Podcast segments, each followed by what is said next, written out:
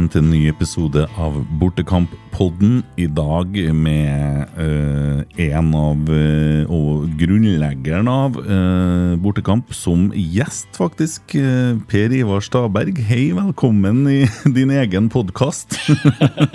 Tusen takk for det, Kent. ja, eh, tenkte at det er kanskje en idé å bli litt eh, kjent med deg også, som eh, Litt med bakgrunn for bortekamp, og litt med din historie og hvorfor dette engasjementet. Eh, Så eh, tenker jeg at det første jeg har lyst til, det er at jeg vil vite litt om historien din. Den er jo blitt fortalt en del ganger, man har kanskje hørt den andre plasser. og sånn, At vi tar en sånn eh, oppsummering her i Bortekamp-podden.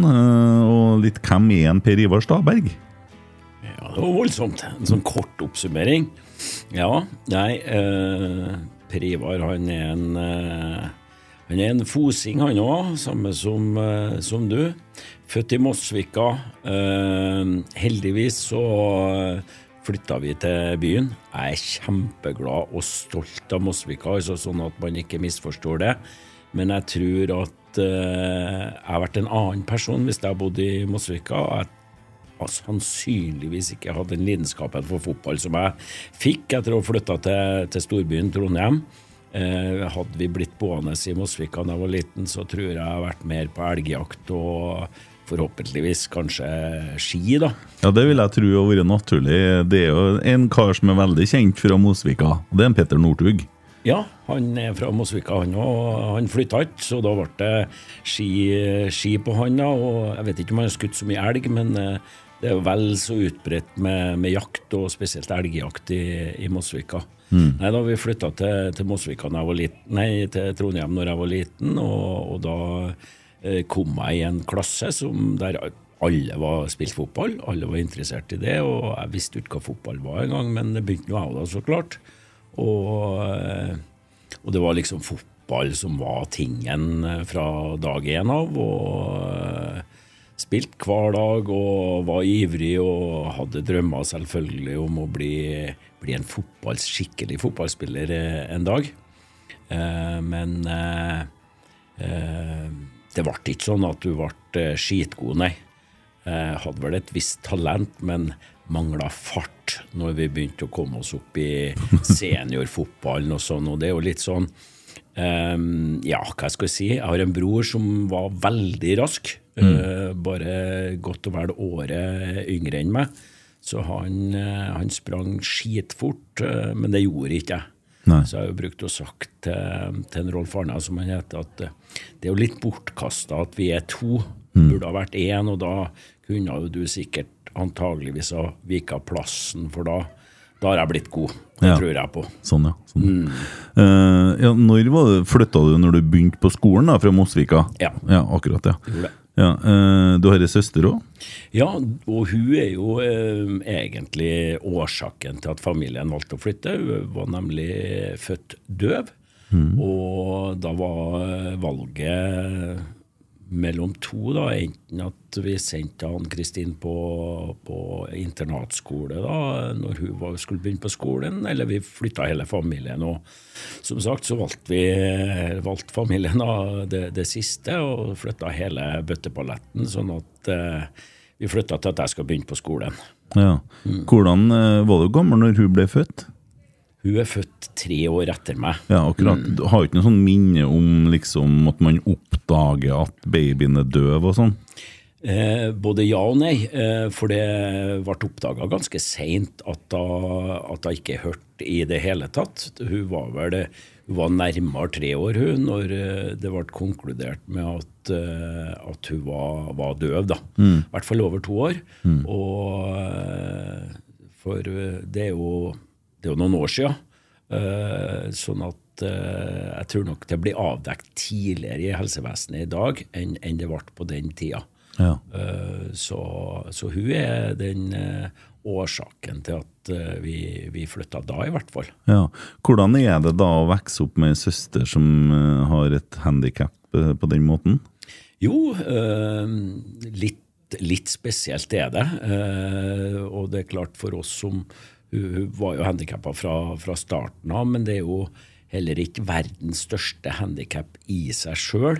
Men det er klart at at, eh, at hun var jo litt mer sårbar, og når du er storebror da, så er det klart at eh, du får nå vel øvd på omsorgsgenet allerede som, som, unge da, i skolegården og sånn, for vi gikk jo på samme skole alle tre, og, og, og det er klart at du du holdt et lite øye med, med lillesøstera di, at ikke hun ble, ble plaga.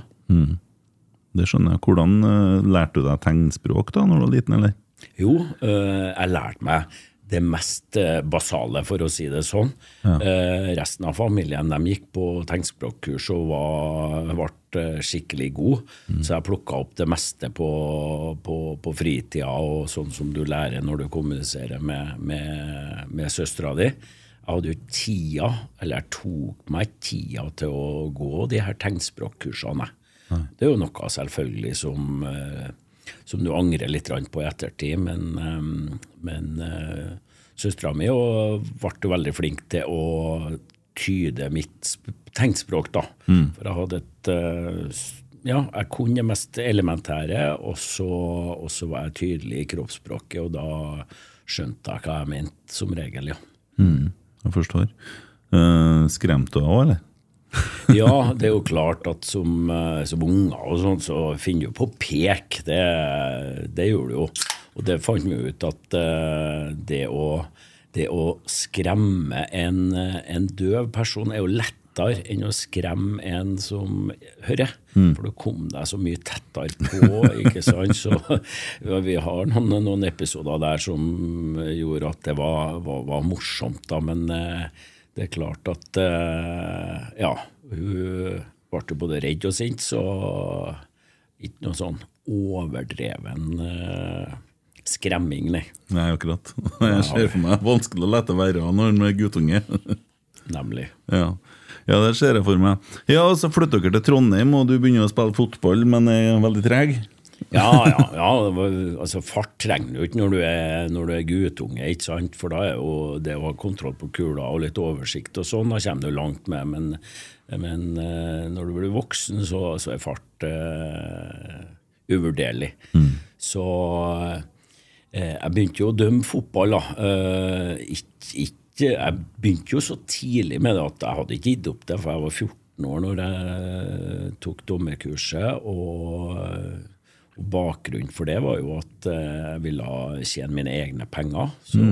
du kan godt si at du ble fotballdommer pga. pengene. Det høres jo helt snålt ut, men uh, de her uh, guttene som har tatt dommerkurs året før, dem så jeg jo dem de hadde jo rikelig med lommepenger, og jeg hadde ikke uh, lommepenger. Uh, sånn at uh, det var, var, egentlig årsaken til at du begynte å dømme. Da, og, ja, da ble det kjøpelunsj i, i storefri på meg og når det begynte, og da Ja, det var bra, det. Mm. Mm. Ja, Hva var du dømt da, når du har tatt det dommerkurset? Hvor begynner man hen, liksom? Ja, Du begynner jo å dømme aldersbestemt da, og sånn som nå. Så det var jo småguttekamper stort sett eh, det starta med. Og ja, det gikk jo veldig fort. Jeg tror jeg dømte seniorfotball allerede første, første året. og som 14-15-åring, da, så, og ikke spesielt stor av vekst heller, så var det, jo, var det jo Så det sikkert litt rart ut òg, at det for en knapt kjønnsmoden eh, og skulle eh, håndtere åttendedivisjonsspillere på, på banen. Mm. Stort sett så gikk det, gikk det, greit, da. Der trengte vi ikke så stor fart, vet du. Da var det bedre Det holdt lenge med litt forståelse og, og litt interesse, da. Mm. Ja, og Hvordan er det der eh, dommerkarrieren utvikler seg da, fra der du starter osv.? Ja, det ble fort klart at jeg hadde et visst talent. Eh, sånn at fotballkretsen så at eh, han, eh, han unge gutten fra, fra Heimdal, han, han, må vi følge med litt. Mm. Så jeg fikk jo, fikk jo litt ekstra oppfølging av en spesiell person. Kjell Tranmæle Hetten. han. Han var mer som en eh, veldig god støttespiller når det kom til, til dømminga, men også en, en, levd og intelligent mann som lærte meg mye om eh, livet som sådan. Eh, og jeg vet at han snakka, han snakka mye med meg, men han snakka mye med foreldrene mine òg, spesielt morsan. Eh, og så han var på en måte en, en, del av oppdragelsen min i ungdomsårene, og det Han satte sine spor, både på fotballbanen og, og utafor uh, fotballbanen. Han var en, uh, en markant uh, personlighet i fotballmiljøet, både som Han var treneren til meg, den første treneren jeg hadde i, på Heimdal. Han eh, var eh, dommerkonsulent i, i, i fotballkretsen da, og så hadde han eh, store utfordringer med, med alkoholen i, i perioder. Mm. Mm. Akkurat. Ja. Var det noe du merka nå, det?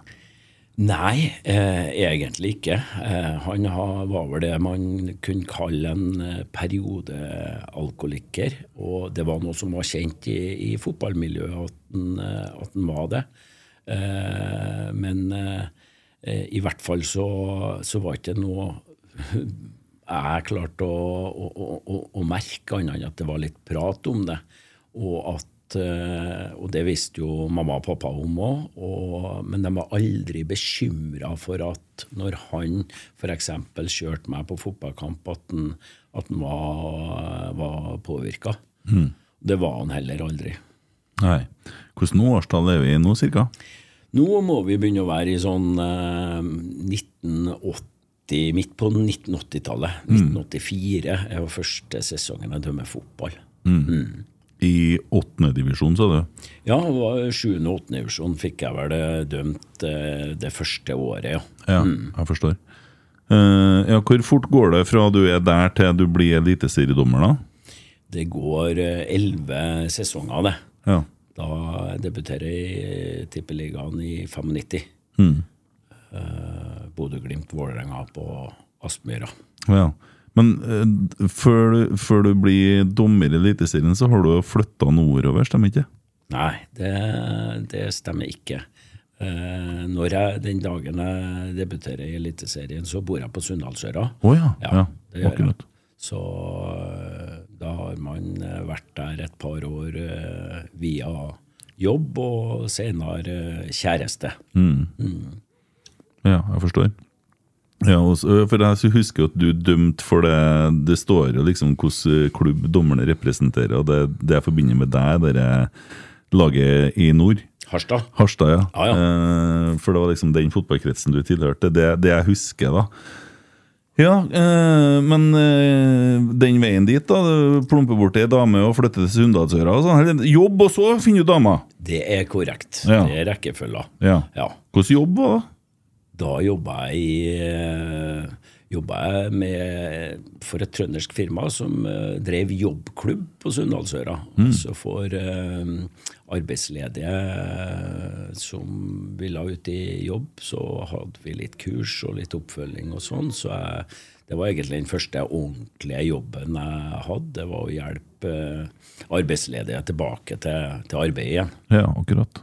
Da var jeg ganske ung. Jeg var ikke uh, tørr bak ørene engang. Men det var noen som så et, et potensial der, da. Mm. Mm. Ja, For du er flink med folk og flink til å bygge nettverk? Ja, det tror jeg er. Mm. Det tror jeg. Ja. Mm. Det er lov å si det om seg sjøl? Ja, i hvert fall når du får det servert på sølvfat fra deg, da. Du, du er ikke så verst til det sjøl heller. Nei, men det er litt sånn eh, den kvaliteten, og, og det er jo på en måte eh, Det som kanskje mange forbinder deg med som dommer òg, er jo at du er flink med folk. Ja.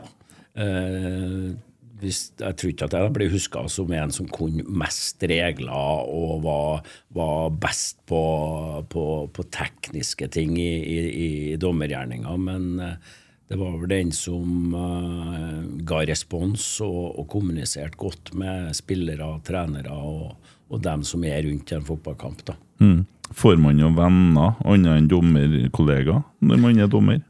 Ikke alle som får det, nei. Nei. Men jeg fikk det. Eh, veldig mye venner blant, eh, blant spillerne, trenerne og også supportervenner. Mm. Eh, jeg er jo en sosial person og, og egentlig trenger ikke å, å, å bli lokka veldig veldig mye for å si det en mener. Eh, så, så, det er jo helt sikkert en, grunn for at, eh, at man eh, fikk mye venner også, ikke bare i dommermiljøet, men også på resten av fotballfamilien. Og det igjen da, er nok også et resultat av at jeg var aldri spesielt interessert i, i dømminga. Det er en rolle som på en måte ja, det er, en, det er en viktig rolle for gjennomføringa av kampen, og sånn, men det å spille fotballen som, mm. som har interessert meg så å si hele livet. Da, mm. da er det klart at da, hvis man har, har den persen istedenfor at man har persen til, til fotballreglene og dømminga, så tror jeg at det er lettere å, uh, å, å ha ting å prate om uh, med dem som har andre roller i, i fotballen nå. Mm.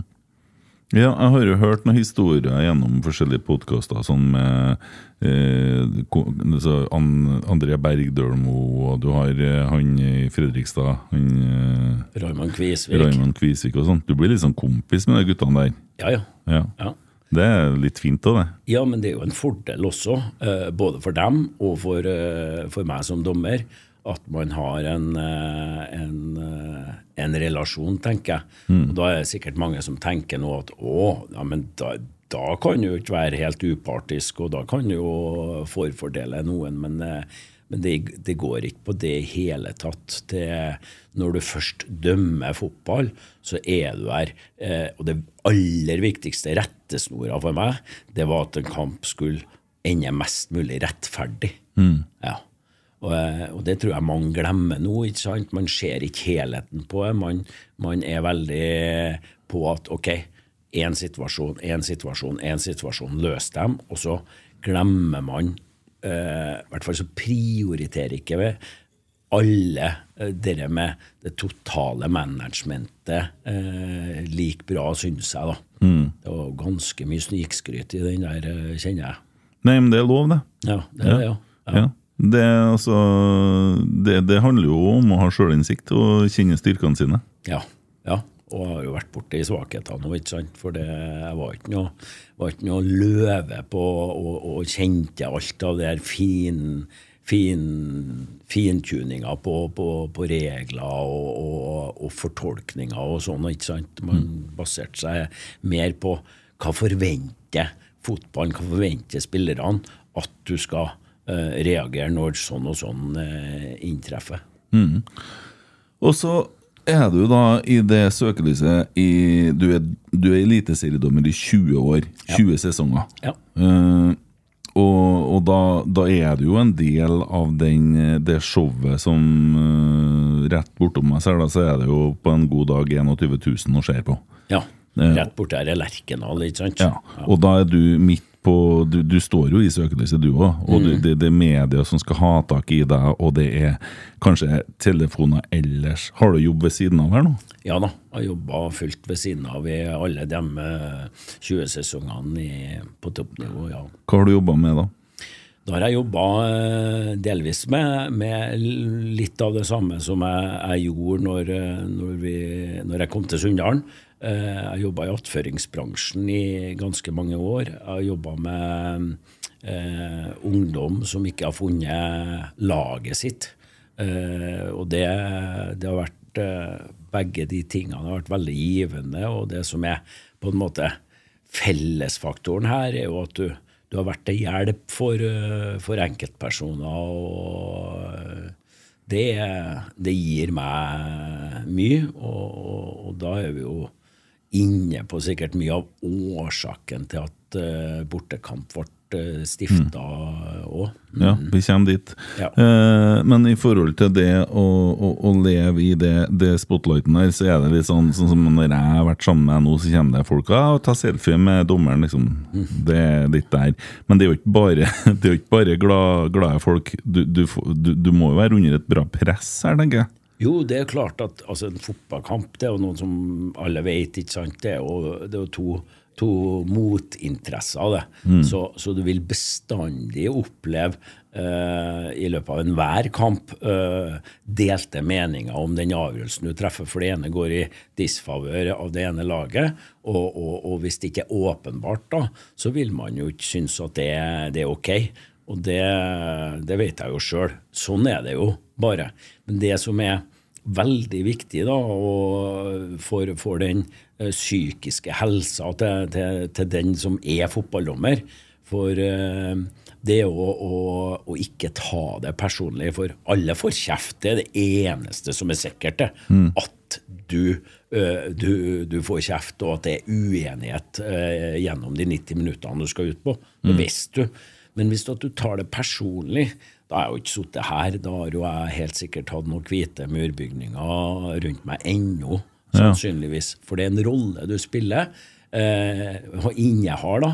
Og, og den, eh, den, er bare sånn, den, at, eh, at der, du kan aldri vinne som, eh, som fotballdommer. Eh, men du kan unngå å tape forferdelig, da. Ikke mm. Og det betyr tape forferdelig, det er å ha vært så dårlig at, at du har påvirka kamp kamputfallet f.eks. Eh, vært urettferdig, sånn at, at det ikke har vært en balanse 50-50 i, i, kampen, da Har det vært så dårlig?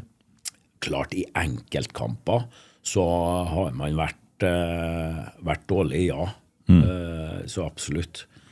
Men hvordan klarer du da å ikke ta det personlig? Som du sier, Man skal ikke ta det personlig. En ting er å si det, en annen ting er å faktisk ikke ta det personlig. Ja, det er et godt spørsmål, men, eh, men, igjen, da, når du får eh, tilbakemeldinger Husk på det er ikke så lenge siden at det var jo faktisk sosiale medier og sånn på den tida der òg. Mm. For om det er ganske lenge siden nå, så, så Og folk fikk sagt meninga si eh, på, på, på, slutten av 90-tallet og begynnelsen på 2000 òg. Eh, det er mye vær nå eh, at det, det, det, med sosiale medier og nettroll og sånn er, har en større rolle i samfunnet enn på, enn på min tid, for å si det sånn. Men det er klart du fikk tekstmeldinger, du fikk telefoner, du, og du klart du måtte forholde deg til media ikke sant, med utsagn fra, fra, gjerne spillere og trenere som, som uh, ga deg rettmessig kritikk. da. Uh, mm. Og noen ganger urettmessig òg, ikke sant. Og det, det, var jo uproblematisk. Men det var jo Selvfølgelig gikk det innpå deg hvis at du har i en, en cupkamp ha dømt et feil straffespark på 0-0, ikke sant? og da gikk det ene laget videre. Men med da null sjanse til å opp, gjenopprette igjen i neste kamp, for da var du ute av cupen. Det ble med kvartfinale det året. Mm. Mm. Ja. Nei, men, men, altså, men, men, igjen tilbake til spørsmålet ditt. Hvordan du, hvordan du jobber. Må jo ufarliggjøre betydninga av fotballen. Da. Det gjorde jeg. Og en gang så Det skal du gjøre for deg sjøl, for der og da, når Brann har røkket ut av kvartfinalen i cupen mm. på, på, at de ikke fikk et uh, soleklart straffespark, mm. så skal ikke du si til media at men det er bare fotball. Det handler ikke om rikets sikkerhet. Mm. Det gjorde jeg en gang. Du sa det, du. Ja, jeg ja. sa det jeg tenkte, ikke sant? Og det, det ble jo feil. For i Bergen så var det viktigere enn eh, rikets sikkerhet der og da, ikke sant? Mm. Det klarte det. Og det, det, var veldig lærerikt, eh, for du må ha respekt for, for, eh, for hva det betyr for folk, altså. Mm. Og det, det, er jo klart at det, det er jo noe eh, som Når du da velger å bli eh, fotballdommer, så fjerner jeg litt fra den eh, Det er jo helt automatisk, det, for du er objektiv, ikke sant? Og supporterkultur det har jeg lært mye mer om etter at jeg slutta å, å dømme. For, eh, og, og, og, det er klart at nå så, så skjønner jeg jo hvor eh, interessen og den, den galskapen og persen eh, ligger hos eh, både ja, supportergrupper og enkelt, enkeltpersoner. Mm. Det er klart det er veldig følelsesbetont. Mm. Det har jo du òg lært meg å, å, å, å, kjenne på, ikke sant? At, eh, og det skal ikke du kødde med. Det skal ikke kødde med. Men heldigvis så visste ikke jeg så mye om det da, for da har jeg jo nesten ikke tort å gå ut på her, for det kan jo hende at jeg ødelegger ødelegge både dager og liv for, for enkelte, ikke sant? Mm.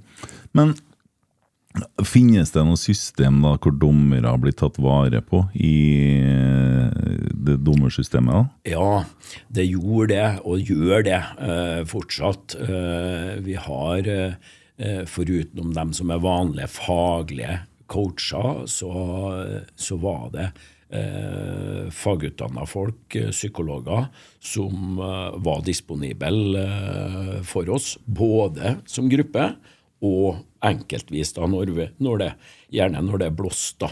Mm. Mm. At eh, det kunne ha vært brukt enda mer uh, tid og ressurser på det, det er jeg overbevist om ville ha vært lurt. Mm. For vi har jo, for det første, så er det uh, noen som opplever oftere å komme i trøbbel, og så har vi som mennesker veldig ulik toleranse for hva vi, hva vi klarer å stå i sjøl. Mm.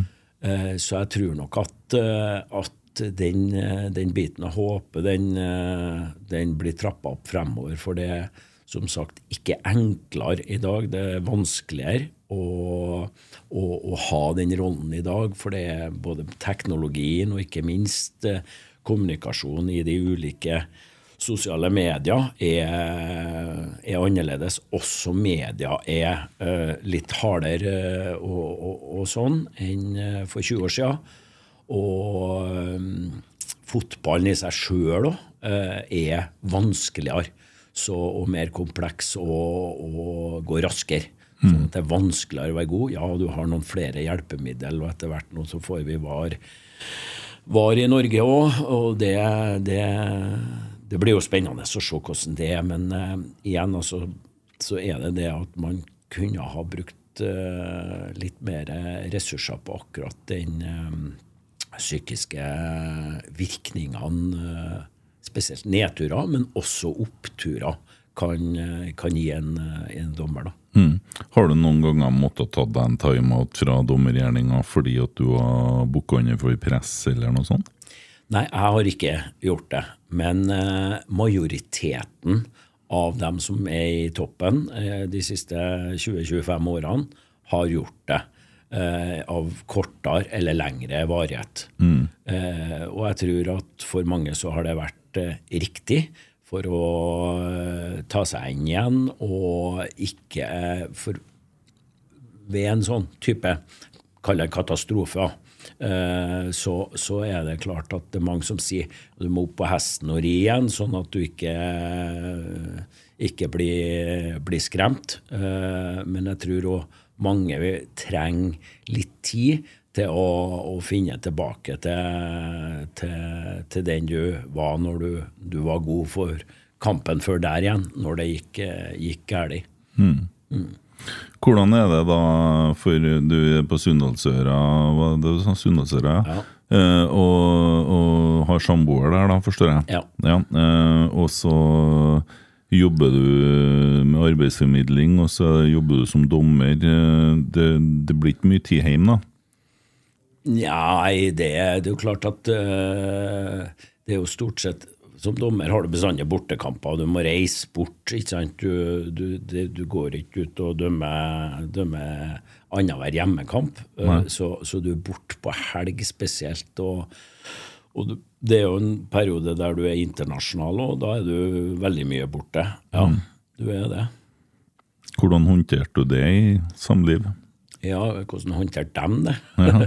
Nei, det er jo klart at du har, du har spesielt to parter her. ikke sant? Du har en arbeidsgiver ikke sant, som må finne seg at du er litt, rann, litt rann bort, og ikke minst da den, den, du bor sammen med.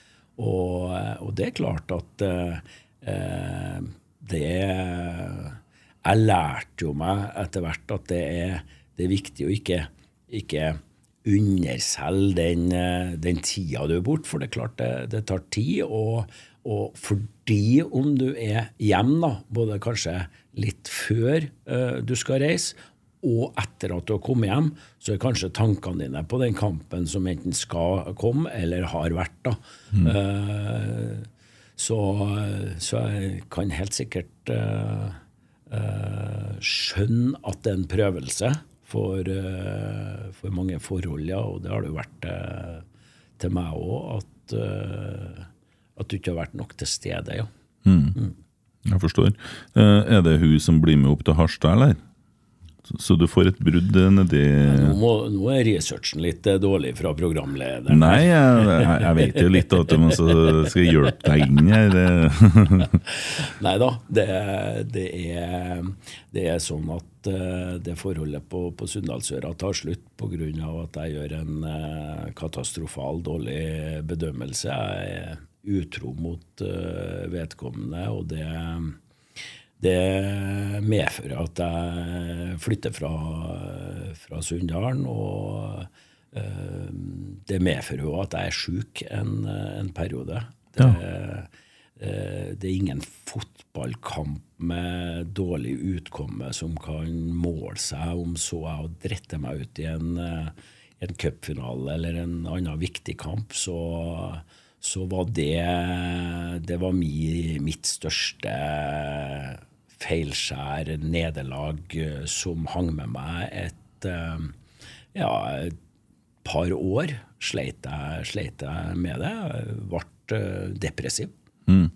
Hva er foranledningen her? Eh, altså, eh, bodde du lenge sammen med hun? Hva Vi, vi bodde sammen i nesten ti år, vi. Og på oppløpssida der så eh, var jeg som sagt eh, utro, og det kom for en dag. Og, eh, og vi, vi valgte å, å skille lag som, som følge av det.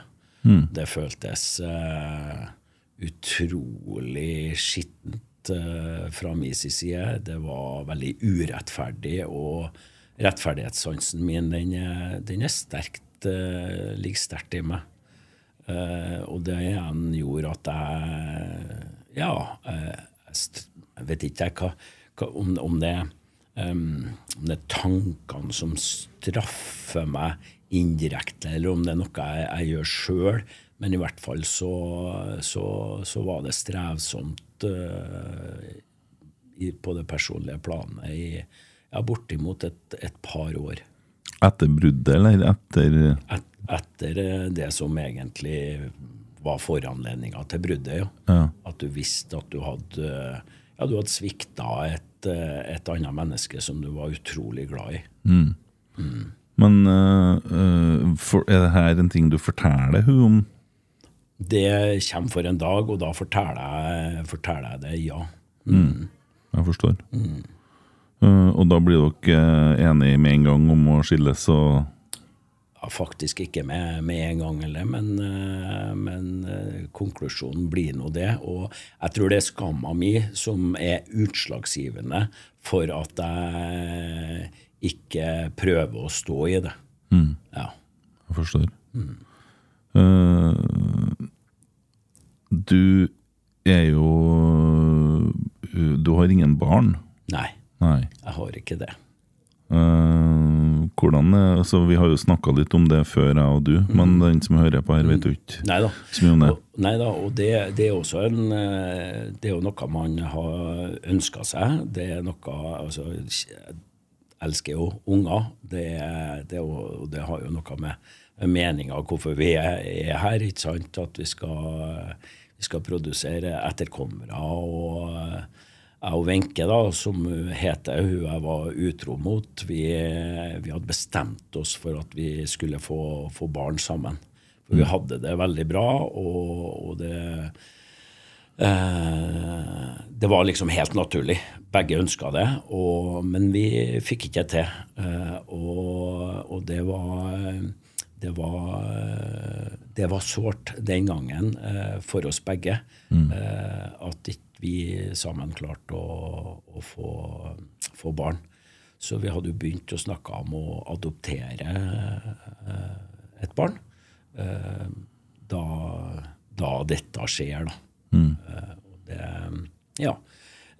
Og det er klart at etter det så har jeg tenkt at da var jo jeg i 30-årene. Eh, hadde jo fortsatt eh, for så vidt tid til å bli, bli pappa.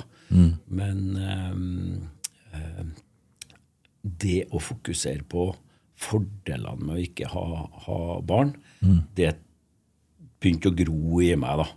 Det er jo på en måte en sånn eh, Når en ser på det, det er jo en romantisering og en, en, en der du pynter litt på sannheten, ikke sant? der du velger å legge vekt på det som er positivt, og så neglisjerer du mer det som er, er på den andre sida, ikke sant? Eh, positivt med å ha barn. Eh, sånn at jeg har eh, med meg sjøl så har jeg levd eh, etter det. Gått med å ikke, ikke få barn. Jeg hadde en samboer senere, og hun ble gravid, og, men mista i tredje-fjerde måned. Og det var, det var forskrekkende, altså, og det var skremmende lite sorg hos meg det medført, for da hadde jeg brukt hodet mitt over så mange år på at ok, eh, det er bra å ikke ha barn, hvis du skjønner. Og Det, det er jo sånn når du ser det, det her er jo ti år siden, da, da ble jeg er jo litt skremt, ikke sant, hva du klarer å gjøre med, med hodet ditt, ikke sant, og, og sånne ting, så ja. Sånn har det blitt. Det Men, men hun som blir gravid, da er vi i Harstad. Ikke da, eller? Nei. Det er dårlig research her, Ja, altså. ja, det, Ja. det er det. Ja. Sånn at eh, Nei, det var eh, i eh, Molde, det. I Molde, ja. Så du for opp til Harstad og så ned til Molde? Ja. Ok, jeg forstår. Eh, var det et forhold på Harstad, eller? Som jeg hadde forhold i Harstad, det hadde jeg. Ja, Du var ikke helt alene de åtte årene jeg bodde der, nei. nei. Nei, men for, for, for ta den, altså, vi får litt oversikt her. Du Flytter du fra syndelsåret i forbindelse med det utroskapet og Ja. det bruddet, Ja. og så tenker du at nå Så du bare river opp alt på rot og fer? Ja. For du hadde etablert deg der for å bli der? ja, i utgangspunktet. Jeg hadde kjøpt oss hus, og alt var, var bra, som sagt. Mm. Ja. Verdens uh, snilleste person. ja. Ja. Og så, så må du på en måte da begynne på nytt i, oppi, oppi nord. Ja, ja. Ja. Og så drar du fra Harstad uh, til Molde. Ja. Ja. Og der møtte du en dame som blir gravid. ja. Ja. Er det, og, og og når hun blir det, hvordan er følelsene dine i forhold til det å skal bli far da? da? Jo, jeg ble, jeg ble glad for det. Ja. Eh, det ble jeg. Eh, så absolutt, og var klar for det. Ja. Men eh, nå ble det, jo, ble det jo ikke sånn eh, den gangen, da. Nei. Og som sagt, det er, det, er, det er faktisk litt skremmende å tenke på hvor, hvor, eh, hvor lite det gikk innpå meg at det var jo sjansen min ikke sant, for å bli pappa, sannsynligvis. ikke sant? Mm. Eh, så Nei, uh, vi eh, eh, Jeg har to søsken da, som begge har fått eh, unger. og det, det er den lille erstatninga vi har, og det, det er bra, det. Ja, For meg så kommer det for meg som noe sånn veldig sårt, og ikke Og når dere da mister, da eh, og så at du nå, nå begynner å bli en godt voksen mann som lever uten barn. For meg så kjenner det for seg som veldig sårt. Ja, det er, jo derfor jeg blir så skremt av Ja. det. og ikke sant at, For jeg kunne ha sagt at dæven, der gikk muligheten, og da var jeg nede. Jeg var ikke det. Nei. Det er sannheten, og jeg tror det har med måten du har bygd opp og på en måte eh, forsvart deg mot den sorgen tidligere i livet, som gjør at, eh, at du har bygd opp en, en mur, altså. En, en, eh, en, en mur mot de følelsene som sikkert var der, men eh, ja. Ja, og så, Hjernen eh, det er en og, litt spesiell skapning som det går an å lure seg. Jo, men så skal man jo overleve òg. Altså, du kan jo ikke grave deg ned. Det Nei, nei. er noe sånn. Ja, ja. Ja, og da må man jo være litt pragmatisk, og da må man jo forholde seg til det. Og da på en måte Ja, hva er fordelene? Og så Ja. ja. Ganske enkelt. Mm. Så eh, Men det, det, det er litt rart. Men det vil jeg tro. Jeg er jo jeg er på andre sida. Jeg har jo levert for oss begge, da. Ja. Eh, Så å skulle sett for meg å leve et liv uten barn, ja, det, det klarer ikke jeg. Nei. Nei. Nei da, og det, det skjønner jeg godt. Og det, det er jo så givende og, og Ja, det handler en god del om meninga med livet, ikke sant? For, eh, for de aller, aller fleste. Eh, per Ivar, når eh, du, du snakker om det utroskapet, så det, og da var jeg utro, da var jeg nede en stund. Uh, Sykmeldte du deg, og hvordan, var du like åpen da som nå om det òg? Nei? Nei, nei, det var, det var jeg slettes ikke. Jeg gikk lenge før jeg gikk til, til legen og, og, og fortalte, fortalte. Uh, og, men jeg, jeg gjorde ikke noe mer. Jeg fikk en sykemelding. Eh, Jeg husker ikke hvor lenge jeg var sykemeldt, men det var, ikke- var ikke sånn kjempelenge. Det var kanskje en måned eller to, ikke sant. Eh, Og, og du søkte ikke noe, noe videre, videre hjelp. Du sto i det. For eh, jeg var helt sikker på hva som var årsaken til at jeg ikke var meg sjøl. Ja. Eh, så det var Det ville jo vært veldig smart å snakke med, med noen faglige eller noen personer uh, som kunne kanskje hjulpet deg til å komme ovenpå igjen mye fortere enn det det ble sjøl, når du bare deala med det sjøl.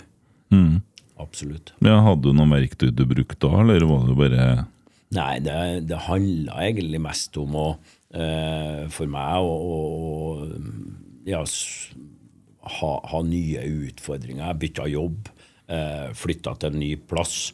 Eh, det var fortsatt eh, sånn at du, du måtte bevise eh, på fotballbanen, ikke sant. Så, så sett utenfra så, så var jo livet, livet kjempe-OK, det. Ja. Eh, så Og det er klart, eh, hvis man har vært i en situasjon der man ikke har hatt det, så tror jeg jo nedturen har vært enda større og, og enda uh, mer inngripende, ikke sant? Og, og vart lenger også, vil jeg tro. Ja, for du har noe i livet der som er på en måte uh, Det er jo altoppslukende. Det å være litt i rampelyset, og du er jo på en måte litt Det er jo en artistsak der òg, tenker jeg. Og det, det, det tar jo litt av hodet ditt. Ja, det gjør det. ikke sant? Men der har jeg helt sikkert noe som er, er, er bra med meg. Det å klare å nullstille når du skal gjøre jobben. For det er klart at uh, sikkert noen som kan legge sammen to og to nå, ja, kanskje var da han hadde sine uh, dårligste sesonger, ikke sant? Og at uh, det, å, det å dømme fotball med det presset det er når du ikke er 100 sjøl. Mm. det, det er jo ikke, det er jo ikke eh, Ja, det er jo ikke å anbefale, men, men at man, man har en, en form for bryter, eh, tror jeg, som er ganske, ganske sterk. Eh, at du klarer i et visst tidsrom å bare slå av bryteren. For det husker jeg, Vi snakka jo veldig mye om det i, i dommersammenheng. At eh, vi må passe på at vi har det bra på hjemmebane. Vi må passe på at, vi, eh, at det er greit på jobb. Hvis ikke så klarte vi å prestere eh, søndagen klokka seks. Og det, det er jo sant. Eh, og, og, og i utgangspunktet så var forutsetningene veldig dårlige for å, for å, for å prestere, men eh, på et vis så klarte du. Jeg tror det har, handler med om at du klarer å eh, skru av helt, da. Eh, det som har med følelser og det som har med det her vonde, vonde tingene, når du skal på akkurat det oppdraget. De kommer jo fort igjen da, vet du, når kampen er over og du sitter, sitter alene på hotellrommet og skal, skal hjem igjen eh, dagen etterpå. Men hvis du snur det på hodet, da, øh, så tenker du på at du Nå er jo du i en situasjon med Wenche der. Og så blir det, du, du bryter opp på drar, men du har tross alt noe som er viktig, og det er den dommergjerninga. Ja. Eh, som på en måte Hvis du ser for deg en mann som er i den samme situasjonen, som ikke har noe annet Ja, det var akkurat det jeg prøv, prøvde å si i sted. Ja. ikke sant? Hvis du ikke har hatt det, da, da er det klart at da, da, da, kan, eh, da kan katastrofen bli større ikke sant? Mm. Eh, for deg personlig, og kanskje du tar en del valg som ikke er, ikke er heldige i det hele tatt. Ja. Ja. For du betyr jo noe her i, i en sammenheng, og du utgjør en forskjell i, i, i riksdekkende media, bla, bla, bla. Ja. Ja, sånn at du har på en måte en slags verdi da, som menneske. Ja. Eh. Eh, og så tenker jeg at er det òg sånne ting som kan medføre at kanskje folk som har den rollen, kan ta dårligere valg? Ja, eh, men, jeg, men jeg tror jo at, eh, at for meg så var det en, et, eh, et, en viktig medisin, ikke sant? for at du får, får konsentrert deg om noe annet. Og så uh, var jo egentlig bare tida det som skulle til for at du, du, du ble eh, tilfriska igjen. Og, og, og, og sånn. Så, så, men, men alle tror jeg er i stand til å ta veldig dårlige valg. Og jeg tok jo dårlige valg når det gjaldt altså, Det er ikke valg, men du er ikke i stand til f.eks. å prestere eh, 100% i den vanlige jobben. Sant? For det kverner for mye. Eh, sånn, eh, på en effektivitetsskala så blir du veldig mye dårligere. Det igjen ikke sant, er jo i neste omgang, når du har litt samvittighet, eh, forsterker jo egentlig den ned, nedadgående du er på. da, For du får dårlig samvittighet også overfor arbeidsgiver. Faen, nå har jeg sittet og, og, og bare tenkt på helt andre ting enn å produsert for, for arbeidsgiveren. Eh, så eh, ja. Eh, og, og, og så har du jo, er, man jo veldig forskjellig ikke sant, i forhold til det med eh, Jeg tror de aller fleste har tenkt en gang å ta livet sitt. Tenkt på det. Hva tror du, Kent? Tror, du at, tror du at jeg har rett der? Og, og de fleste har tenkt på det? Ja. det tror jeg. Ja. Ja. For du, det har jeg jo gjort. Ja. i den eh, fasen der, ikke sant? Du har vært innom det. Og det er klart at det er jo, det er jo, et, det er jo egentlig bare et Eller bare Det er et signal på at du har det ikke bra. Du er ikke fornøyd. Eh, du ville helst ha vært eh, på en annen plass, og i hvert fall så ville du ha gjort noe annerledes i, i, i fortida di. Eh, men, men eh, Og der tror jeg man er forskjellig, da. Eh, noen eh, lar den tanken feste seg. Noen vil faktisk prøve å ta livet sitt, og noen av dem igjen lykkes med å gjøre det. Mm. ja. Og det Ja, sånn er livet, altså. Og det, det er klart at det, det jeg har opplevd på, på minussida der, da, det, det er jo De fleste har jo om ikke, Jeg sier ikke at de fleste har vært utro, men eh, de fleste opplever jo en sånn type nedtur eller flere i løpet av et, av et liv. Så da er litt hvordan man eh, Litt hvordan man er skapt, og litt hvordan man eh, eh, agerer, da. Og, ja. Ja, for, for du, du snakker om at du tok dårlige valg, og Ja. du ble deprimert.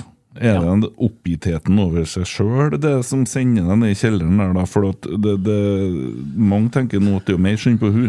Ja, selvfølgelig var det det. Ja, ja, ja. Absolutt. Det Ja, det Det var det, og, og det, det er det jo ikke noe tvil om, ikke Nei. sant? Nei, men så er det Og det, det, det, og det forstår både jeg og du, Ja. at, det, sånn at det er opplest og vedtatt. Men så blir det liksom følelsen til skal vi si, synderen her, da, som, som begår ugjerninga. Ja. Og, og det å skal stå med seg sjøl etterpå, det blir så tungt at du går ned i kjelleren. Ja. Ja. eh, og jeg og Wenche vi har jo snakka om det i ettertid. Hun hadde, hadde selvsagt steintøft. Hun hadde kjærlighetssorg, ikke sant? Og, og, og den, den biten eh, rundt det. Eh, men det påsto nok kortere i varighet, i hvert fall eh, hos, hos hun da. Eh, men em, Ja, hva jeg skal si nå? Datt litt. eller annet? Ja, Vi snakker jo om i forhold til det å skal bære det sjøl, at det er du som har utløst Ja, ja, ja, ja. klart. Det var ikke noe skylddeling i det hele tatt. ikke sant? Det var 100-0. Mm. Enkel forsikringssak. Mm. Og det er nok det som utløser, ikke sant? Hvis jeg skulle eh, Ja, uh, foranledningene har vært helt annerledes, så er det ikke sikkert det har gått sånn innpå meg, nei. Nei. Og dette har med ja, en, en rettferdig skylddeling som fant sted, og som ga konsekvenser. Har du tilgitt deg sjøl for det her? Nei, Nei. har jeg vel ikke. Men det som har eh, det, Da tenker jeg litt sånn Jeg skal aldri gjøre det noe mer. Det vet jeg bare. 100% Det er jeg så trygg på. Kommer aldri til å skje. Mm. Så det er det. Det er bra med det, ikke sant, at du lærer, da. Uh, og kanskje ikke jeg lært hvis ikke jeg har fått den, den kroppslige reaksjonen som, uh, som, jeg fikk. Jeg vet ikke. Men, uh, men det vet jeg. Mm. Det, det, det, er jo det jeg sier til meg sjøl òg. Er det én ting du skal holde resten av livet ditt, eh, Stabberg, så er det at du aldri skal være utro mot noen. Mm. Da, du, da, bruker du det som en drivkraft. Ja. Men så tenker jeg på den hendelsen. Burde man ikke finne en måte å tilgi seg sjøl på? Jo, kanskje, men, men eh, nå, nå, er den skaden skjedd, og, og det, det, er ikke sånn at jeg i dag eh, tenker på det til daglig, sånn at det kverner. Sånn er at jeg har kommet over det. Mm. Selvfølgelig har jeg gjort det. Eh, men å, å, tilgi seg sjøl eh, på det, det, Jeg vet ikke om jeg har behov for det. Jeg tenker at det, det, er heller eh, hvis, du, hvis, du, gjør det, så tenker jeg ja, er faren for at du kan, kan finne på noe sånt uh, en gang til? da, Stør? Jeg vet ikke. Nei, Det tror ikke jeg nødvendigvis, sånn som jeg ser det. Men grunnen til at jeg spør, da, er for at jeg, jeg kjenner mange mennesker som har hatt godt av å forsone seg med seg sjøl. Ja. Ja. For det, det, tror jeg folk generelt er litt dårlige til. De pisker seg sjøl for eh, det minste ting, da, eh, og, og, for større ting. Og det å på en måte ta et oppgjør med seg sjøl, ja. og, og, og, på en måte si at det er greit, jeg har Jo, og det har jeg gjort, ikke sant. Det er jo den mm. dagen egentlig du bare, bare skjønner at det her er det største tabben du har gjort i hele ditt liv. Det er ikke sikkert de er enige nede i Bergen om det. nei, nei, ikke sant. Som nei, ja. I kvarten, ja. ja. Nei, uh, men, men, det Det ligger en del sånn Når du erkjenner at du har 100 skyld, mm. eh, så, så, er det en da, da, går du jo Du går jo videre. Mm. men det med å tilgi seg sjøl, det, det tror ikke jeg jeg skal gjøre når det gjelder akkurat den hendelsen der, nei. nei. Det er en interessant sak, og den kan vi for så vidt ta igjen i andre podder ja. når vi har litt uh, andre gjester, for jeg syns mm. det er mm. interessant. For at uh, jeg personlig ja. hadde bruk for å tilgi meg sjøl mm. for ting. Når jeg da fikk forståelse uh, for årsaker og, og forståelse av ting som har skjedd i livet mitt. Ikke at jeg skal ha en forklaring eller en unnskyldning, men for at jeg skal jo leve med meg sjøl. Mm. Men det her er jo på en måte en ting som du sier, du er jo ferdig. Er jo, ja. det, livet har jo gått videre, og det er jo ikke noe som henger over deg i dag sånn. Nei. Nei. Det forstår jeg jo. Eh, men så er det jo i det her dommergjerninga da, som går da over 20 år Så kommer det jo en dag hvor at, uh, det lyset slukkes. Mm. Hvis vi flytter oss dit. Mm. Uh, for nå er du på en måte Du er jo i sentrum uh, i, i, mange år. Ja. Uh, blir du bekymret For det, det, der går på alder, det. sant? Og det, det, er noe at de, nei, de faser ut noen dommere her. Ja. ja. Det siste er riktig. Og dere var tilbake i 2014. Vi hadde på, på La Manga på på vårsamlingene eller vintersamlingene der eh, blitt enige eh, om at eh, antall dommere skulle ned. Vi var da 18 dommere, jeg tror vi skulle ned på, på 16 dommere. Mm. Og eh, Rune Pedersen, som var dommersjef den tida, han sa jo til meg at, eh, at eh, bare klar testene nå, så, så, så, er det i, i, i orden. Eh, på høsten av senhøsten 2014 eh, så ringte Rune Pedersen meg og sa at eh, jeg ikke var med til neste sesong. Da hadde jo jeg lyst til å Jeg hadde planlagt å dømme én sesong til, og så skulle jeg gå av. Mm. men den, de kom meg i, i, i, forkjøpet der, da. Og jeg vet per dags dato ikke helt hva som er er grunnlaget, annet enn at dommerkomiteen i Norges Fotballforbund på den tida var enstemmig enig i at eh, de fant ikke plass til meg, meg videre. Mm. Og da kom det en Det var en eh, bra sjokkbeskjed å få, da. For uh, jeg, jeg, sportslig sett så følte ikke jeg meg trua i det hele tatt. Jeg hadde jeg fikk de Var blant de tre-fire dommerne som fikk de kall det viktigste oppdragene, det som var presumptivt vanskelig å håndtere. Da brukte de ofte, ofte meg. Uh, og jeg hadde klart testene. Det var Ja, jeg har vært med lenge, men det tenker jeg heller er en fordel. Uh, at man har litt erfaring, for det er jo også et erfaringsfag. Mm. Og så da, da ble jeg forbanna, rett og slett.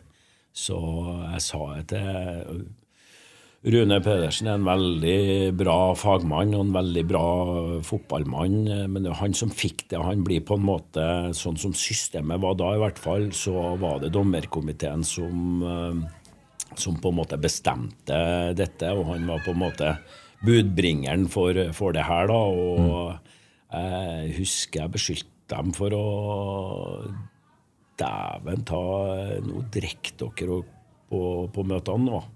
Mm. Ikke sant? Og dere bruker ikke blandevann engang. Har du mm. hørt, da? Og jeg navnga seks, sju, åtte dommere som burde i hvert fall eh, ha gått før meg. Og, mm. og jeg husker at jeg ba om at ta et nytt møte og vurdere det på nytt. For det her er ikke, er ikke rett, sa jeg. Det vel, føltes veldig uh, sårt og urettferdig, egentlig. Så um, jeg vet egentlig ikke. Jeg fikk ikke noe, noe, god forklaring, og det har du kanskje ikke krav på heller, men det er jo lurt å gi en forklaring i en uh, type personalhåndtering, da, sjøl om ikke du er ansatt der, så var det jo en, en viktig del av uh, av hverdagen din, og også, også inn mot levebrød. Mm. Så, så, det var brutalt å få beskjed at OK, du har én kamp igjen.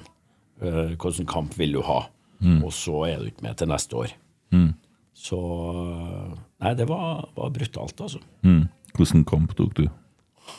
Sarpsborg-Lillestrøm. Ok, Hvorfor? Ja. Nei, jeg tenkte at uh, det var nok en kamp som ikke hadde den største betydninga. da. Mm. Så det er litt sånn, Du har jo alt å tape den siste kampen i og med at du ikke fikk sjanse til å dømme noe mer. da. Mm. Så, så, så, kan jo altså drite seg ut på en sånn kamp, og det var vel ikke akkurat den beste kampen jeg dømte, uh, så vidt jeg husker. da. Men, uh, men det var, var, greit det å ha en sånn kamp som ikke betydde opprykk eller nedrykk. ikke sant? For noen det var... Hvordan var følelsen din da, når du går ut på matta og vet at nå er siste gangen? Jo, da, det var vemodig. Det, det, kom faktisk en tåre. For du fikk jo en god avskjed eh, blant spillerne eh, i, de, i, den kampen. Og det var klemming, og det var blomster, og det var litt tårer alle veier, faktisk. Mm. Så, for spillerne var ikke enig i vurderinga der? Nei da, og det var jo det fra jeg fikk beskjed av til jeg dømte den kampen der, så gikk det sikkert 14 dager. Men det, det kom jo ut i media at uh, jeg ikke fikk fortsette. Uh, det regisserte jeg sjøl. Mm. Uh, når jeg skjønte at det ikke var noen mulighet, de fikk en sjanse til å revurdere det, så ringte jeg en sportsredaksjon eller to og bare sa at jeg ikke er med noe mer.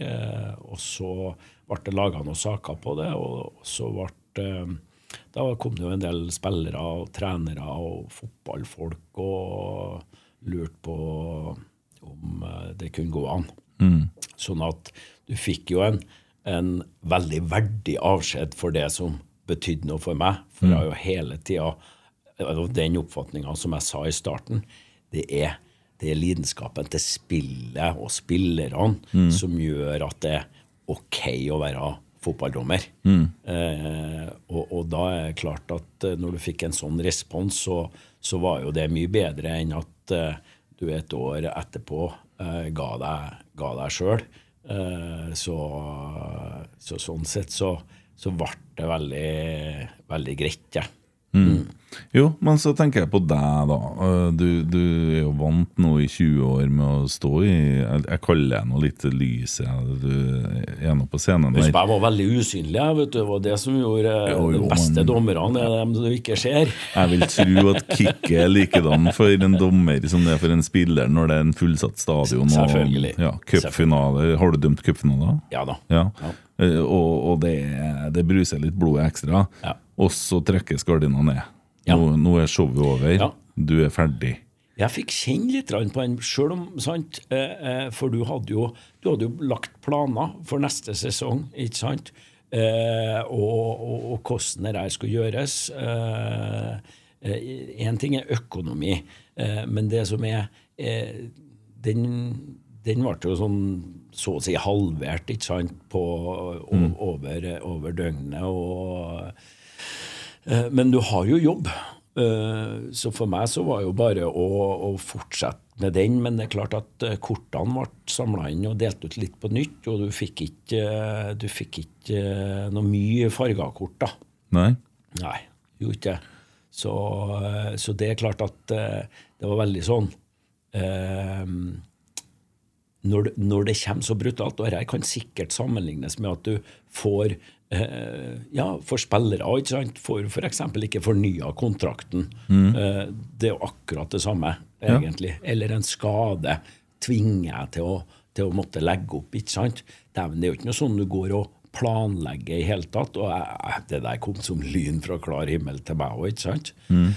Og, og, og det er klart at eh, det er jo da folk igjen er forskjellige, ikke sant? Noen da eh, ja, klarer ikke å, å mobilisere noe, ikke sant? Nå, nå var jeg heldig, TV 2 spurte meg om å være dommerekspert det året jeg egentlig skulle ha, skulle ha dømt, så på en måte erstatta jo det litt, delvis økonomisk, men også det med å være litt eh, Det har aldri vært noe, noe behov for meg å være eh, i, i lyset, da. Nei, og det sier alle som er Ja. i lyset. Ja. Eh, og så vet jeg òg, som har stått på scenen, Ja. at man, altså man føler seg eh, Man blir sett, Ja. og, og, og folk, lik, ja, folk liker jo det. Ja. Og, og så er det jo så mener ikke at, så, Jeg mener jo ikke at du er narsissist, eller noe sånt, Nei, men det er jo noe med det her, her følelsen. Og så er det jo en fare her, her at man begynner å måle sitt eget menneskeverd i, i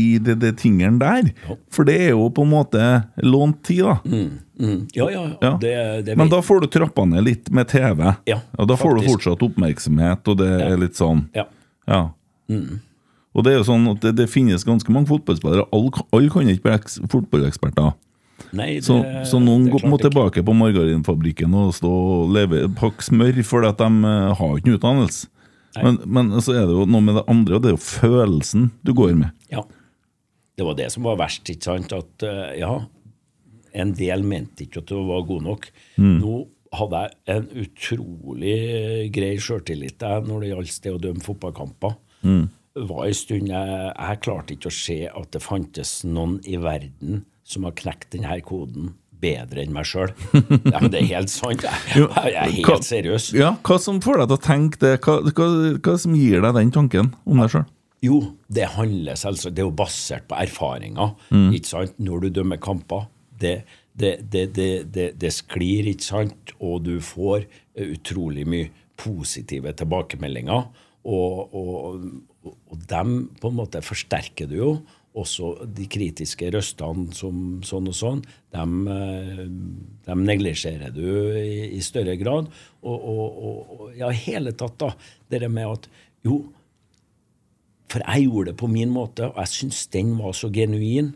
Eh, og den responsen du høsta på det, syns jeg var så, så bra at uh, jeg var der, altså. det er jo uh, Så uh, det var jo litt det samme der òg. Du fikk jo, når det gikk veldig fort opp til Eliteserien, så, så begynte du å se at du skulle jo, du skulle jo dømme i et uh, skikkelig sluttspill. Et VM-sluttspill. Du skulle jo rekke det. Uh, det ble jo ikke det. Nei. Men, men, men det er klart at den sjøltilliten du hadde der, da, eh, rusta jo jeg bedre, sånn at du ikke fikk en identitetskrise da, når, eh, når eh, gardina ble trukket ned. For du visste jo at det var feil. Det var bare en feil avgjørelse de har tatt. ikke sant? Og en helt hodeløs eh, avgjørelse. Så, så det berga jo sånn i forhold til den psykiske eh, helsa der og da, var jo, var jo grei. Fikk ikke noe, fikk ikke noe krise sånn, nei. Nei. Da. Nei, Du ble litt forbanna, Jeg ble rett og slett forbanna. Ja, det var det eneste som skjedde. Ja. Så jobba du et år i TV 2, da. Ja. Som fotballekspert, dommerekspert. Dommerekspert, ja. Ja, ja akkurat. Uh, og så eh, underveis her så møter du Ørjan Hopen. Ja. Ja. ja. Det var i 2017. Ørjan var jo en, eh, en av spillerne som, som jeg ble kjent med gjennom dommer-spiller-biten, ikke sant. Og han hadde jo navigert seg opp til Levanger, han, altså han spilte på Levanger. Så jeg husker vi treftes eh, tilfeldigvis. Da jobba jeg i Kjør for livet den eh, organisasjonen som hjelper, hjelper ungdom som ikke har funnet laget sitt. Eh, bruker motorsport dem som en, eh, en sånn viktig eh, identitetsfaktor. da. Eh, og, og da var vi på Lånke, på rallycrossbanen der. Og um, vi skulle få være med i en uh, rallycrossbil, uh, begge to. Eh, og da møttes vi igjen, og da prata vi litt jeg og Ørjan om, om livet hans. Eh, for da hadde han, eh, han eh, litt tøft, forsto jeg.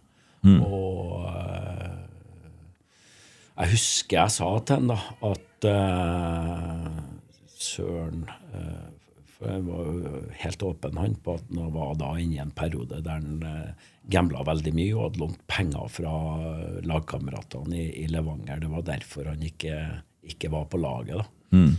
Eh, så sier jeg at må da ikke f- holde på å spille når du ikke har penger sjøl til det her. Det er jo ganske Det er jo, det er jo supernaivt å, å si noe sånt da, når du vet det du vet i, i dag, i hvert fall. Men jeg burde jo ha skjønt bedre på det tidspunktet òg. sånn at eh, eh, vi vi hadde jevn kontakt da, eh, både mens den var fortsatt i Levanger, og så gikk turen til, til Skeid, da, og så opplevde han jo noe som er en medalje, eller medalje, det var jo i hvert fall ikke rett å si, altså baksida av, eh, av avhengigheten hans var jo at den, det tydde jo til ulovligheter når det gjaldt å finansiere misbruket sitt. Så det ble en rikssak om at han hadde lovt ut noen noe billetter i, til noen Premier League-kamper, og da, da bikka han litt, eh, litt under og mm, mista egentlig litt trua på seg sjøl og la opp som fotballspiller. Da spurte han meg, husker jeg, om han eh, om jeg hadde noe jobb til han. Eh, det hadde ikke jeg eh, da. Så tenkte jeg litt mer over det og snakke med litt folk og sånn. Og når Ørjan lagt opp det, det trasige der eh, spillinga, eh, så eh, Jeg var jo Ja, jeg ringte han, ja, og, og sa at du skulle, du skulle ikke prøve å bli frisk, da. Hvis du klarer å bli kvitt avhengighetsproblemet ditt, så tror jeg vi kan hjelpe deg tilbake på fotballbanen. Det, det var starten på bortekamp, for da, da ringte han fem måneder etterpå og sa at uh, mente du det, det du sa, og da flytta han eh, tilbake til Trondheim, eller til Trondheim, og, og vi satte i gang et prosjekt med ja, prosjekt Comeback, da. Mm. ja, For da var ideen at han skulle gjøre comeback som fotballspiller. Ja. Så det, da ser jeg for meg sånn Rocky 4, at du for å springe opp i skogen på Malvik der, og du er pisken. Ja, det, du kan godt bevare det bildet. Og eh, jeg slapp å bruke pisken, for det var en motivert, frisk Ørjan Hopen som kom til gards og la ned en enorm innsats både fysisk og, var veldig åpen da, om hvordan mekanismene rundt hans avhengighet fungerte. Eh, og eh, jeg lærte utrolig mye. Vi bodde vel sammen i et eh, godt halvår eh, der oppe, og det kulminerte med et eh, prøvespill i Ranheim. Burde ha selvsagt fått kontrakt sånn rent sportslig vurdert, men eh, igjen Ranheim med, med de gode verdiene de har, og etterlever dem. Eh, tror ikke de torde rett og slett å sette miljøet i garderoben på spill, eh, for å bruke et sånt uttrykk, hvis en skulle få et tilbakefall. Mm. Så da, da ble vi enige om at eh, søren, den reisa vi har vært på her nå eh, Jeg har fått den kunnskapen han har gitt meg, og vi skjønte jo og visste jo begge to at det er jo ikke bare Ørjan som har det, de utfordringene han har. Og det er ikke bare spillutfordringer som er i fotballen og idretten, det er andre utfordringer òg. Derfor så ble vi enige om å, å, å, å prøve å dele den erfaringa han sitter med, eh, og de konsekvensene det har gitt, gitt han eh, til, til resten av, eh, av Idretts-Norge òg, i en forebyggende eh, henseende. da. Ja, og det har jo Det stoppa jo litt i korona, men bortekamp eh, kom jo i gang eh, og har vært litt rundt på forskjellige måter. Så har du jo funnet litt formen mer og mer og mer. Ja. Ja. Og, og Ørjan sin historie den er jo ute på poden her òg, eh, sånn at det er jo bare å gå inn og høre den. Og der får du alt fra eh, A til Å. ja. Ja. Ja da, Eh, og det er klart at øh, hans erfaringer og hans mekanismer i forhold til både hva som trigger og sånn, øh, kan helt sikkert òg brukes opp mot andre typer utfordringer. ikke sant? Og du har din historie, og, og, og det er klart at øh, det vi tenker på i, i bortekamp, da, det er at hvis du, hvis du kombinerer øh, den erfaringskunnskapen bl.a. dere toene sitter med, da, med, med god fagkunnskap, så har du en grobunn for at du skaper åpenhet der du forteller, og er, da, enten det er idrettslag, eller det er en bedrift, eller, eller det er en, en organisasjon, så, så oppstår åpenhet. Det er jo noe vi har, har Vi opplever hver gang vi er ute, at når eh, en av dere eh, kler dere ganske naken, da, som dere gjør, så eh, senkes garden blant tilhørerne, og eh, betroelser, spørsmål, eh, kommer ganske, ganske fort. Og når du da har eh, skapt den åpenheten, da, og vi lar det gå litt tid, så vil jo tryggheten òg for åpenhet, når noen da tør å ta ordet i det laget vi er inne i, så blir jo de møtt med bare forståelse og, og sånne ting. Og da skapes det en trygghet som igjen da vil være utrolig bra for å skape vekst på andre måter, altså prestasjonsutvikling. Mm. Det er bortekampmetoden, det, vet du, Kent, som, Det det. som vi har meisla ut sammen. Ja. Uh, ja, hva er det du drømmer om, Per Ivar? Hvor er det du skal hen? Hvor jeg skal hen, Mm. eh, hvor jeg vil hen, er vel det, det Ja, hvor har du tenkt deg? ja, jeg har veldig lyst til at eh, eh, gjennom bortekamp så kan man eh, få eh, holdningsendringer til det med psykisk helse i samfunnet. Og da tenker jeg at vi er heldige som har det utgangspunktet at vi eh, har et utrolig godt nettverk blant idretten i, i Norge. Kan få tilgang til historiene til kjente og ukjente idrettsutøvere, og kanskje en del personer utafor idrettsbanen også, som gjennom å fortelle sin historie gjennom å fortelle hvordan de løste uh, sin uh, krise i, i, i livet, uh, kan hjelpe mange andre til å kjenne seg igjen, og kanskje til og med at de bruker de verktøyene de har brukt, kombinert med at vi har faglig ekspertise bak oss som kan forsterke eller nyansere de løsningene som er gjort. Eh, så da er vi både med på å skape større åpenhet og i kunnskap ut i folket, sånn at det skal ikke være noe forskjell på om du har en fysisk strekk eller om du har en mental strekk. Mm. Det er et godt bilde, egentlig. Jeg syns det, og det har jeg stjålet fra deg. Ja. Nei, jeg, jeg tenker at Eh, det, det, jeg har veldig mange tanker her nå etter det vi har snakka om, men altså eh, Jeg tror en sånn fellesnevner som jeg har forstått, for jeg snakker med mye fotballspillere, trenere og også dommere nå, da. ja, liker ikke dem så godt, du heller. Nei, altså, og, og likedan andre mennesker som er i underholdningsbransjen og sånn. og Felles for alle er jo frykten for den dagen gardina går ned. Uh, en gitarist han trenger ikke nødvendigvis å gi seg, det ser vi på Rolling Stones, liksom. Men, ja. uh, men uh, idrettsutøvere har en begrensa periode hvor man er på toppnivå. Og det er noe som skjer med en del også når, at, når at det er over. Mm. Som Noen takler det dårligere enn andre. og det er litt sånn rart med det, for det virker som det kommer litt som julekvelden på kjerringa. Ennå det fysiske lover ute og går her, sånn at ja. det, burde ikke gjøre det.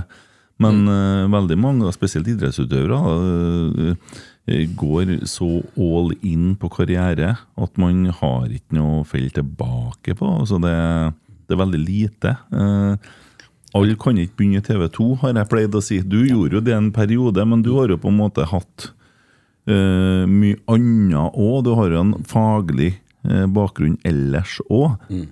Men det er mange som ikke har det. Jo da, og, men jeg tror at uh, også en sånn oppgave for, for Bortekamp sammen med andre organisasjoner vil være å kunne identifisere den kompetansen det er å være en idrettsutøver. Mm. For det er overførbart til et nytt liv. Altså spisskompetanse som, som ikke du lærer på noe skole, men som du, du, har med. Og det er ikke bestandig så lett å være det bevisst. Uh, enten du er fotballspiller eller du er langrennsløper, så, så, så, er det en del egenskaper du, du trener på hver eneste dag, som jeg er helt sikker på er veldig verdifull i en del jobber i det kalles sivile, da, mm. som gjør at du kan bygge på det du Fordi om du har gått all in, ikke sant? Og, men klart at noen kan kanskje eh, ja, studere eller, eller prøve å, å, finne noe uh, som skal gjelde den dagen da det er, er slutt. Ja, Mm. så det er mange veier til rom, men at man eh, klarer å synliggjøre her at, eh, at, det har verdi, det du lærer gjennom et langt idrettsliv òg. Helt mm. sikkert. Mm. Det tror jeg òg. Uh, per Ivar, du er en uh, utrolig interessant person. Du har uh, ja, vet ikke, helt ekstreme ferdigheter med folk. Eh, du er bare så flink med alle rundt deg og, og, og, på å bli kjent med nye folk. og Husker vi var ute og spiste middag en gang, og så satt vi og stussa på ei dame som satt ved bordet ved siden av. Ja. Eh, hva var årsaken til at hun var alene og spiste? Ja. Nei, Du gikk bort og prata med du, som den største selvfølge. Hun hadde jo bursdag den dagen? Hun hadde det, og satt alene på bursdagen sin. Ja. Men det ville hun, sa Ja, hun sa det. Ja. Det, det, da må du spørre for å vite det her. Ingen av oss har kommet til å tippe at hun hadde bursdag, nei. Nei. Men nei, og, du, nei, du er så bra med folk. Tusen takk for så. Eh, det, Kent. Ja, det må jeg si. Uh, og jeg er helt sikker på at du kommer til å klare å sette igjen veldig dype spor etter deg rundt omkring med det arbeidet som har satt i gang. Ja. Det får vi håpe på. Tusen ja. takk. Jo, tusen takk for stunda.